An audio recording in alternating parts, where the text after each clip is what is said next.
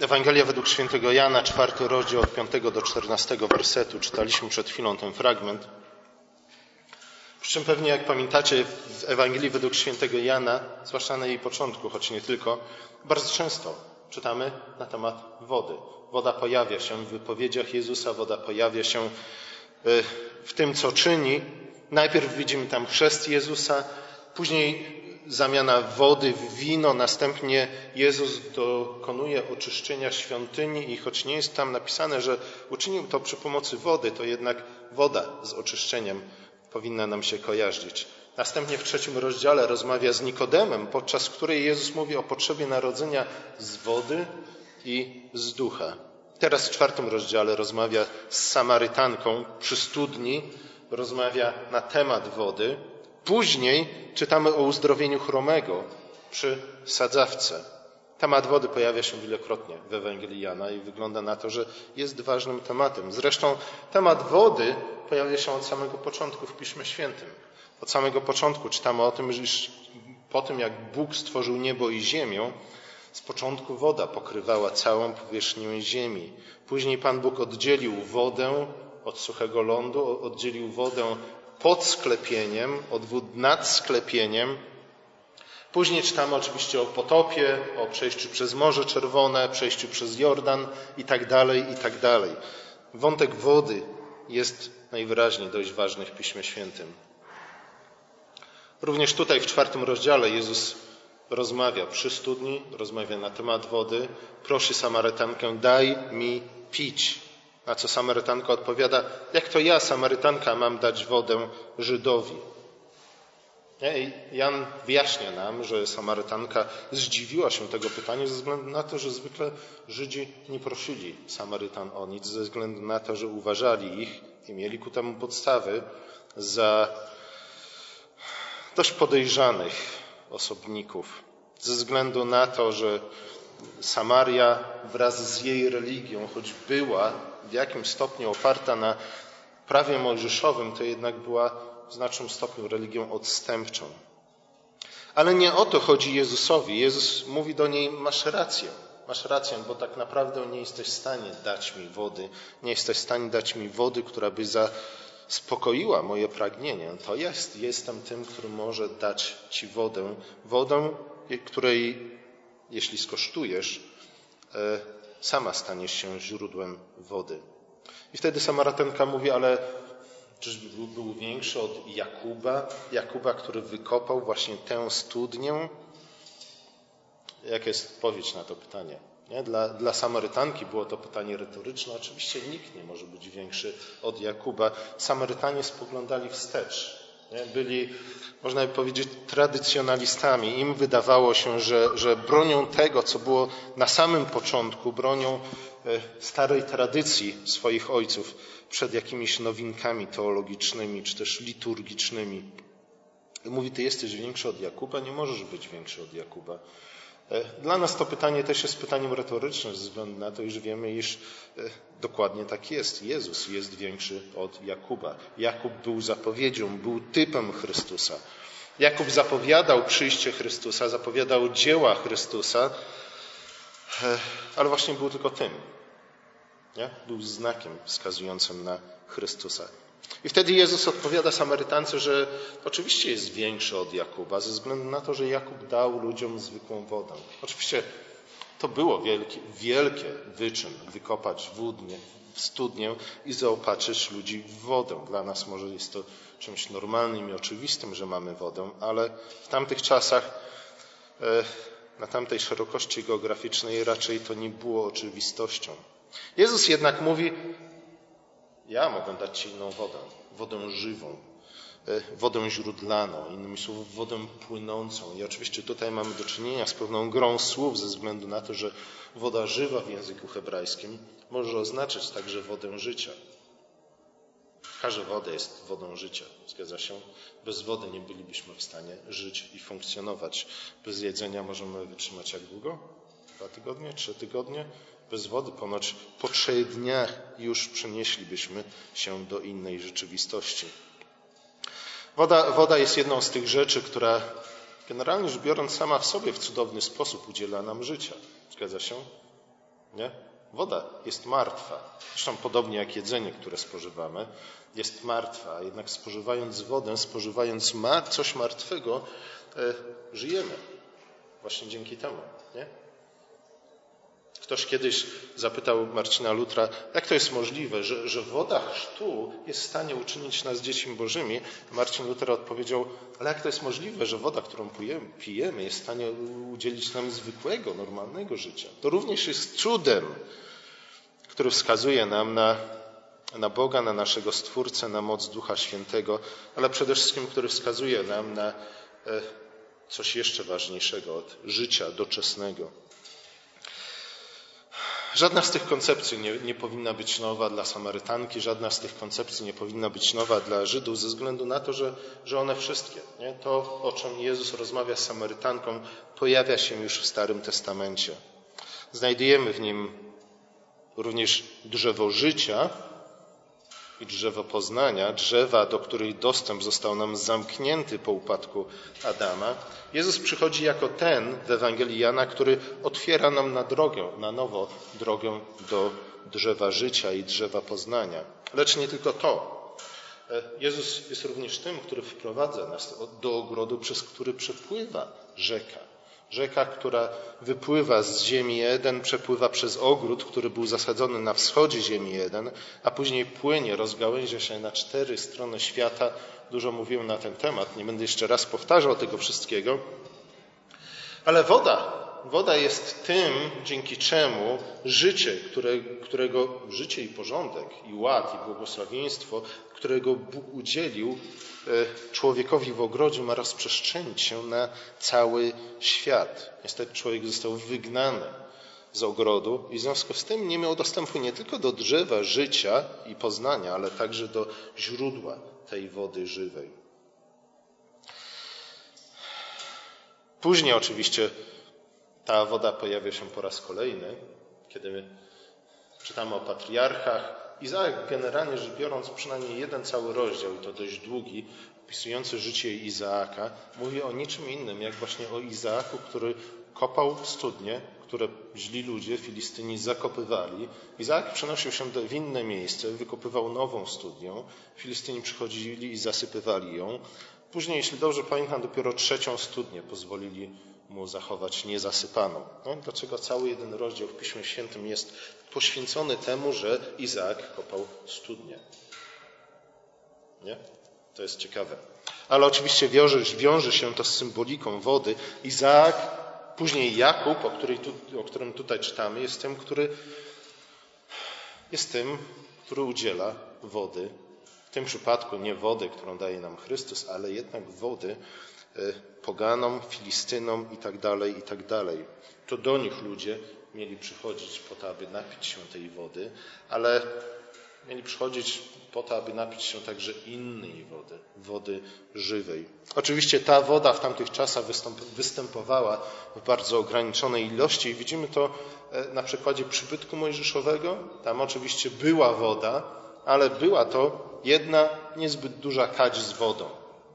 Później, gdy dochodzimy do opisu świątyni zbudowanej przez Salomona, widzimy tam dwanaście przepotężnych kadzi z wodą, osadzonych na rydwanach, skierowanych ku wyjściu ze świątyni, a więc w kierunku wschodnim, tam gdzie były drzwi, brama do ogrodu Eden, potężne kadzie, mieszczące każda z nich po kilkaset litrów wody, albo jeszcze więcej.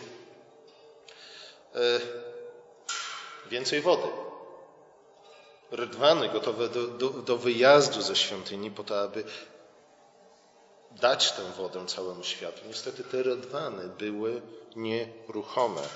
Później jednak, gdy czytamy opis nowej świątyni, czy też świątyni u proroka Ezechiela, widzimy, że ta świątynia jest nie tylko jeszcze większa niż zarówno przybytek mojżeszowy, jak i świątynia Salomona, ale jest także świątynią, z której wypływa rzeka wody.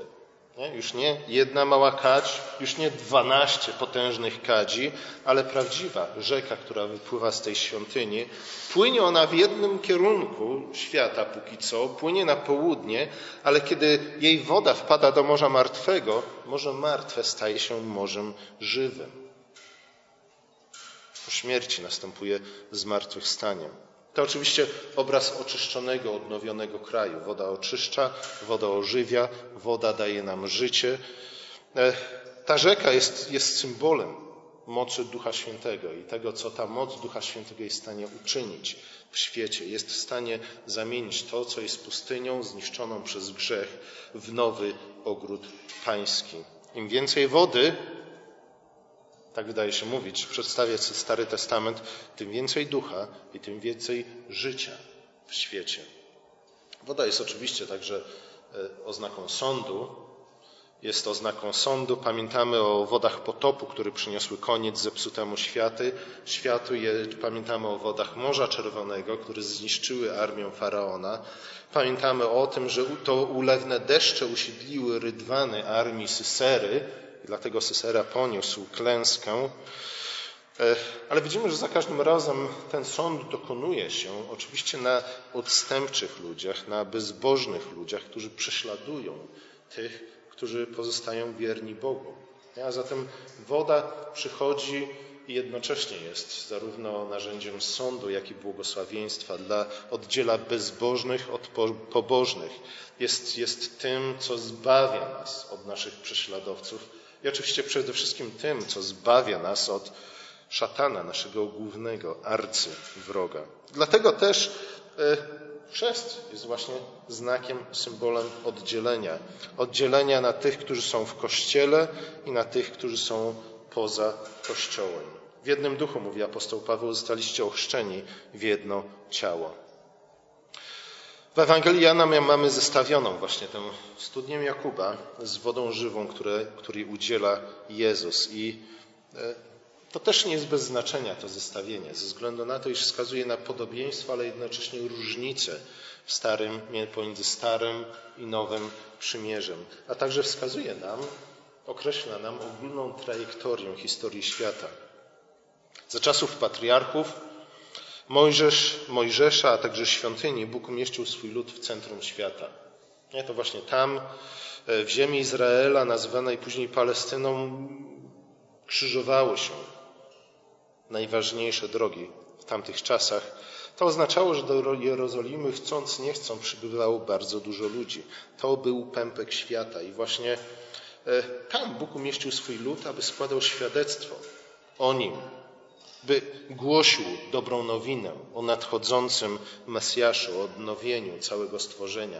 Jednak poganie musieli przyjść do Jerozolimy, musieli przyjść do świątyni, do tego źródła wody żywej. Nie? Tak jak Naaman, o którym czytaliśmy dzisiaj też, musiał przyjść do, do proroka, do męża Bożego, musiał obmyć się w wodach Jordanu, choć, jak twierdził, wody syryjskie było o wiele lepsze niż wody izraelskie, po to, aby otrzymać nowe życie. Za czasów Ezechiela, jesteśmy mniej więcej w IV wieku przed Chrystusem, to się jednak zmieniło. Te, te kadzie stojące w świątyni zostały e, przewrócone i świątynia stała się źródłem wody żywej. Wraz z, ze swoim biegiem rzeka, o której mówi Ezechiel, staje się coraz szersza i coraz głębsza, aż w końcu wpada do Morza Martwego i ożywia je. I oczywiście to mówi nam o tej zwiększonej mocy odnowionego przymierza, przymierza odnowionego przy okazji powrotu z wygnania do Babilonu. To prawda, że póki co woda płynie w jednym tylko kierunku, ale zaczęła wypływać ze świątyni. I co się dzieje w tym samym czasie z historycznego punktu widzenia? Widzimy, że oczywiście niewola babilońska zakończyła się dla Żydów, ale nie wszyscy Żydzi wrócili do swojego kraju. I dobrze, że się tak stało. I to również było w planach Bożych. Nie? To było kolejne zło, z którego wyniknęło coś dobrego. Dlatego, że Żydzi rozproszeni po całym basenie, nie tylko Morza Czarnego, Czarnego, Śródziemnego, począwszy od Persji, od, od Zatoki Perskiej, czy wręcz od Indii aż po Hiszpanię, chcąc nie chcąc, zaczęli składać świadectwo o prawdziwym Bogu. Pamiętamy reakcję proroka Jonasza, którego Bóg wysłał do tego, aby w Asyrii głosił, wzywał pogan do upamiętania. Teraz, chcąc nie chcąc, Żydzi zmieszali się z wszystkimi narodami, zaczęli im głosić, głosić dobrą nowinę. I to wyjaśnia to, z czym się spotykamy w dziejach apostolskich, iż do jakiegokolwiek miasta, by nie udaliby się apostołowie, co tam znajdowali? Synagogę.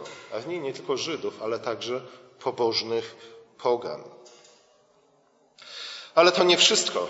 W objawieniu w ostatnich rozdziałach Apokalipsy czytamy o, o mieście Bożym, o mieście Bożym, które sięga nieba i z opisu możemy wnioskować, że ma ono mniej więcej kształt piramidy i z samego szczytu tego miasta wypływa znów rzeka, rzeka z wodą, która tym razem rozgałęzia się na cztery strony świata. I oczywiście to jest opis rzeczywistości w Nowym Przymierzu, po przyjściu i w niebowstąpieniu Chrystusa.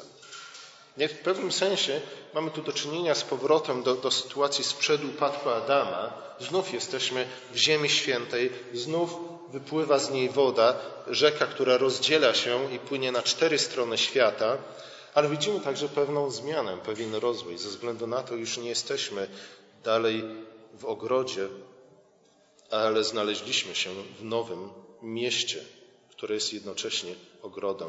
Mieście, które wypełnia sobą cały świat. No i ku temu zmierza generalnie rzecz biorąc historia świata, choć może na co dzień tego nie zauważamy.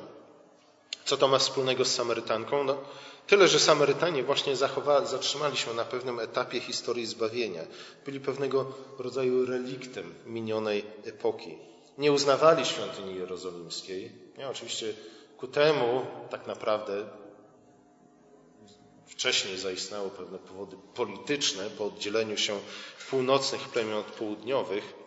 Król e, północnego królestwa nie chciał, aby jego ludzie udawali się na pielgrzymki do Jerozolimy, by tam nie zostali zarażeni myśleniem. Chciał zerwać więzi z jednej strony z południowym królestwem Judy, ale z drugiej strony nie za bardzo chciał e, przedstawić się jako ten, który jest nowinkarzem i ustanawia nową, nową religię. Dlatego też odwołał się, przynajmniej tak twierdził, do samego bezpośrednio Mojżesza. Tak nie do końca było, e, ale to już inna historia. W każdym razie nie uznawali Samarytanie świątyni jerozolimskiej, co, co także wychodzi w rozmowie Jezusa z Samarytanką nie? Dlatego, że Samarytanka mówi, my jesteśmy tymi, którzy oddajemy Bogu cześć na tych wzgórzach. Nie? Innymi słowy mówi, my jesteśmy tak jak patriarchowie, ze względu na to, że zanim pojawił się, zanim Salomon zbudował świątynię w Jerozolimie, nasi ojcowie, ja tu musieli trochę przeskoczyć i nagiąć fakty, nie? dlatego że Mojżesz był tym, który jako pierwszy zbudował przybytek, ale mówią nasi ojcowie, nasi, nasi praojcowie, oni oddawali Bogu cześć na, na wzgórzach. I my dokładnie tak to robimy, jak oni to robili. My jesteśmy prawdziwymi konserwatystami, tradycjonalistami. Wy z kolei jesteście nowinkarzami, próbujecie, próbujecie przy pomocy waszej świątyni, która jest obrzydliwością dla Pana, zniszczyć prastarą religię naszych ojców. Ale z drugiej strony ta rozmowa Jezusa z Samarytanką miała służyć nie tylko Samarytanom, żeby pokazać im, iż e, nie mogą non-stop trwać przy starych formach, nie mogą nowego wina lać do starych bukłaków. Już y, historia Bożego Ludu wskazuje nam na to, iż nawet sam Mojżesz w tym sensie był rewolucjonistą, dlatego że zmienił, zmienił e, sposób oddawania Bogu czci, zaprowadził nowe porządki. Nie? Jeśli, jeśli Samarytanie odwoływali się do Mojżesza, powinni zauważyć różnicę między tym, w jaki sposób odnosili się do Boga praojcowie, a w jaki sposób odnosił się do Boga sam Mojżesz. Ale ta rozmowa jest zaadresowana tak naprawdę do Żydów, ze względu na to, że w czasach Jezusa Żydzi znaleźli się w tej sytuacji. Przyszło coś nowego. Pojawiło się nowe wino na świecie, potrzebne były nowe bukłaki. E, nowa treść, która nie była odmienną treścią, ale rozwinięciem starej treści wymagała nowej formy. Zmiany w przymierzu następowały wcześniej i zmiany w przymierzu nastąpią również teraz. E, Żydzi mają się przygotować na kolejną, ostatnią już przemianę w przymierzu, ze względu na to, że Mesjasz przyszedł. Mesjasz, na którego przyjście wskazywały, którego przyjście zapowiadały te wszystkie rytuały i ceremonie Starego Przymierza. Jeśli odrzucą tę zmianę, staną się jak Samarytanie, którymi gardzili. Co więcej, staną się podobni do swoich przodków, o których Bóg mówił przez Jeremiasza, mnie, źródło wód żywych, opuścili, a wykopali sobie cysterny, cysterny dziurawe, które wody zatrzymać nie mogą. Rozmowa z Samarytanką wskazuje nam na wiele rzeczy. Nie chcę się tutaj rozwodzić za bardzo, ale wskażę na, na kilka może z nich. Po pierwsze, oczywiście, nie? ta podstawowe przesłanie tego tekstu, że musimy przyjść do Chrystusa, aby napić się wody żywej. W sensie wody, która jest w stanie udzielić nam nie tylko doczesnego, fizycznego życia, ale przede wszystkim duchowego życia. Tylko w nim jest zbawienie, tylko On jest dawcą życia, ze względu na to, że On udziela nam swojego ducha.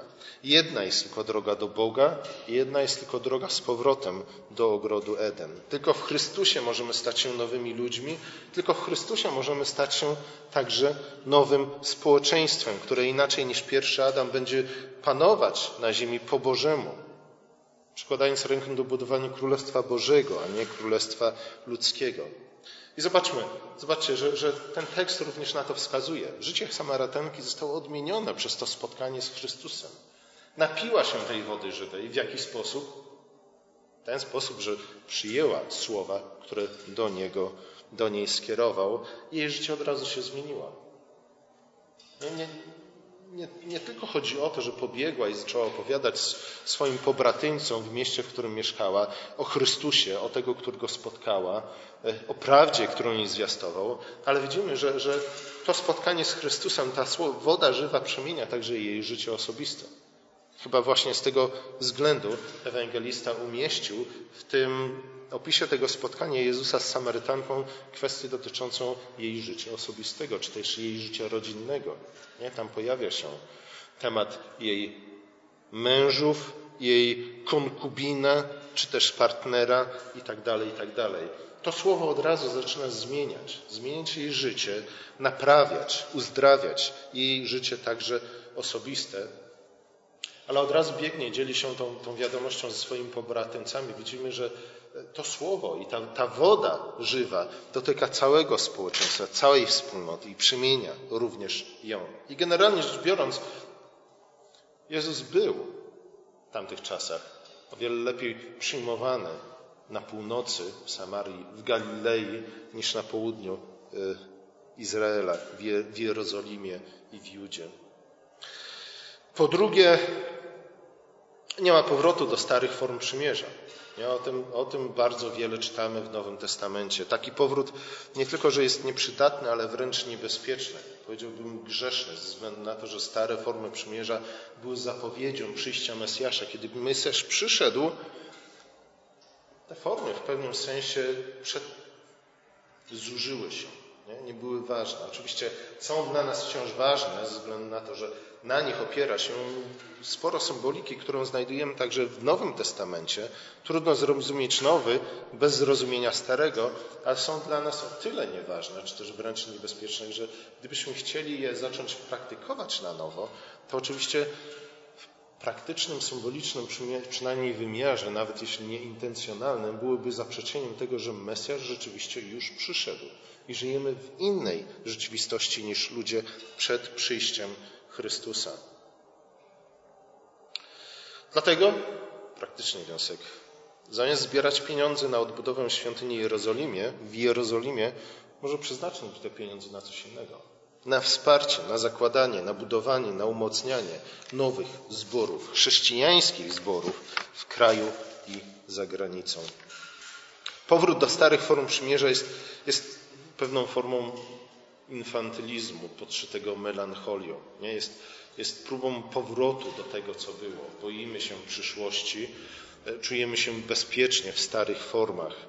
Ale niestety nie możemy cały czas, całe życie żyć przeszłością, nie? ze względu na to, że, że Chrystus otworzył dla nas nową przyszłość. Nie? I znów wskazuje na to, to, iż historia świata zaczyna się w ogrodzie, a kończy się w mieście.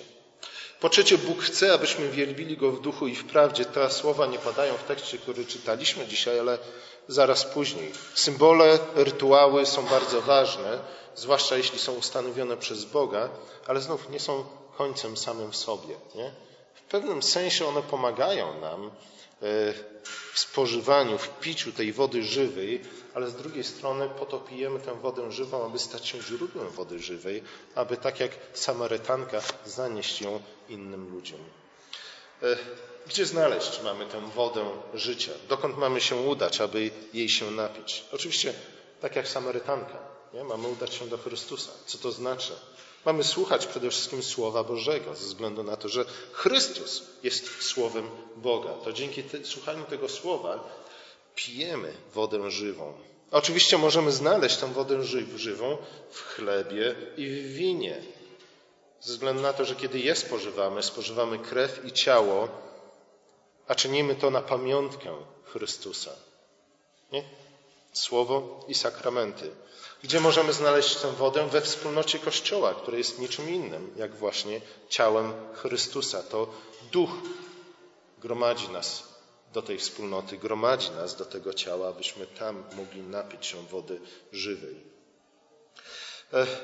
Ale z drugiej strony, znów, to jest fundament, na którym mamy się oprzeć. To jest źródło, do którego mamy się udać, ale nie po to, aby tę wodę zatrzymać dla siebie, ale żeby stać się źródłem tej wody dla innych ludzi, abyśmy stali się źródłem tej wody dla całego świata. Woda, która przepływa, przepływała przez ogród Eden, ale też woda, która wypływa z Nowej Jerozolimy, jest wodą, która ma dotrzeć na cztery strony świata. I my właśnie dzięki tej wodzie poprzez tę wodę mamy dotrzeć z Ewangelią na wszystkie strony świata. My dzięki tej wodzie, poprzez tę wodą żywą, mamy stać się źródłem życia dla innych ludzi, dla całego stworzenia. Pomódlmy się. Nasz drogi, łaskawy Ojcze, dziękujemy Ci za wodę żywą, której, której nam udzieliłeś i udzielasz przez Twojego Syna Jezusa Chrystusa. Dziękujemy Ci za to, że Ty poisz nas tą wodą, tak abyśmy sami stali się źródłem tej wody żywej dla innych ludzi. Prosimy Cię o to, abyśmy właśnie tym byli, źródłem wody żywej dla tych wszystkich, których stawiasz na naszej drodze, dla tych wszystkich ludzi, których, e, z którymi się spotykamy, czy to w niedzielę na nabożeństwie, czy też w dni powszednie, w naszej pracy, w naszych codziennych zajęciach, w naszych szkołach. Prosimy Cię o to, aby woda, którą e, im przekazujemy, była wodą żywą, była wodą czystą, wodą pochodzącą od Twojego Syna. Aby w ten sposób cały świat został napełniany Twoją chwałą i poznaniem Ciebie. Amen.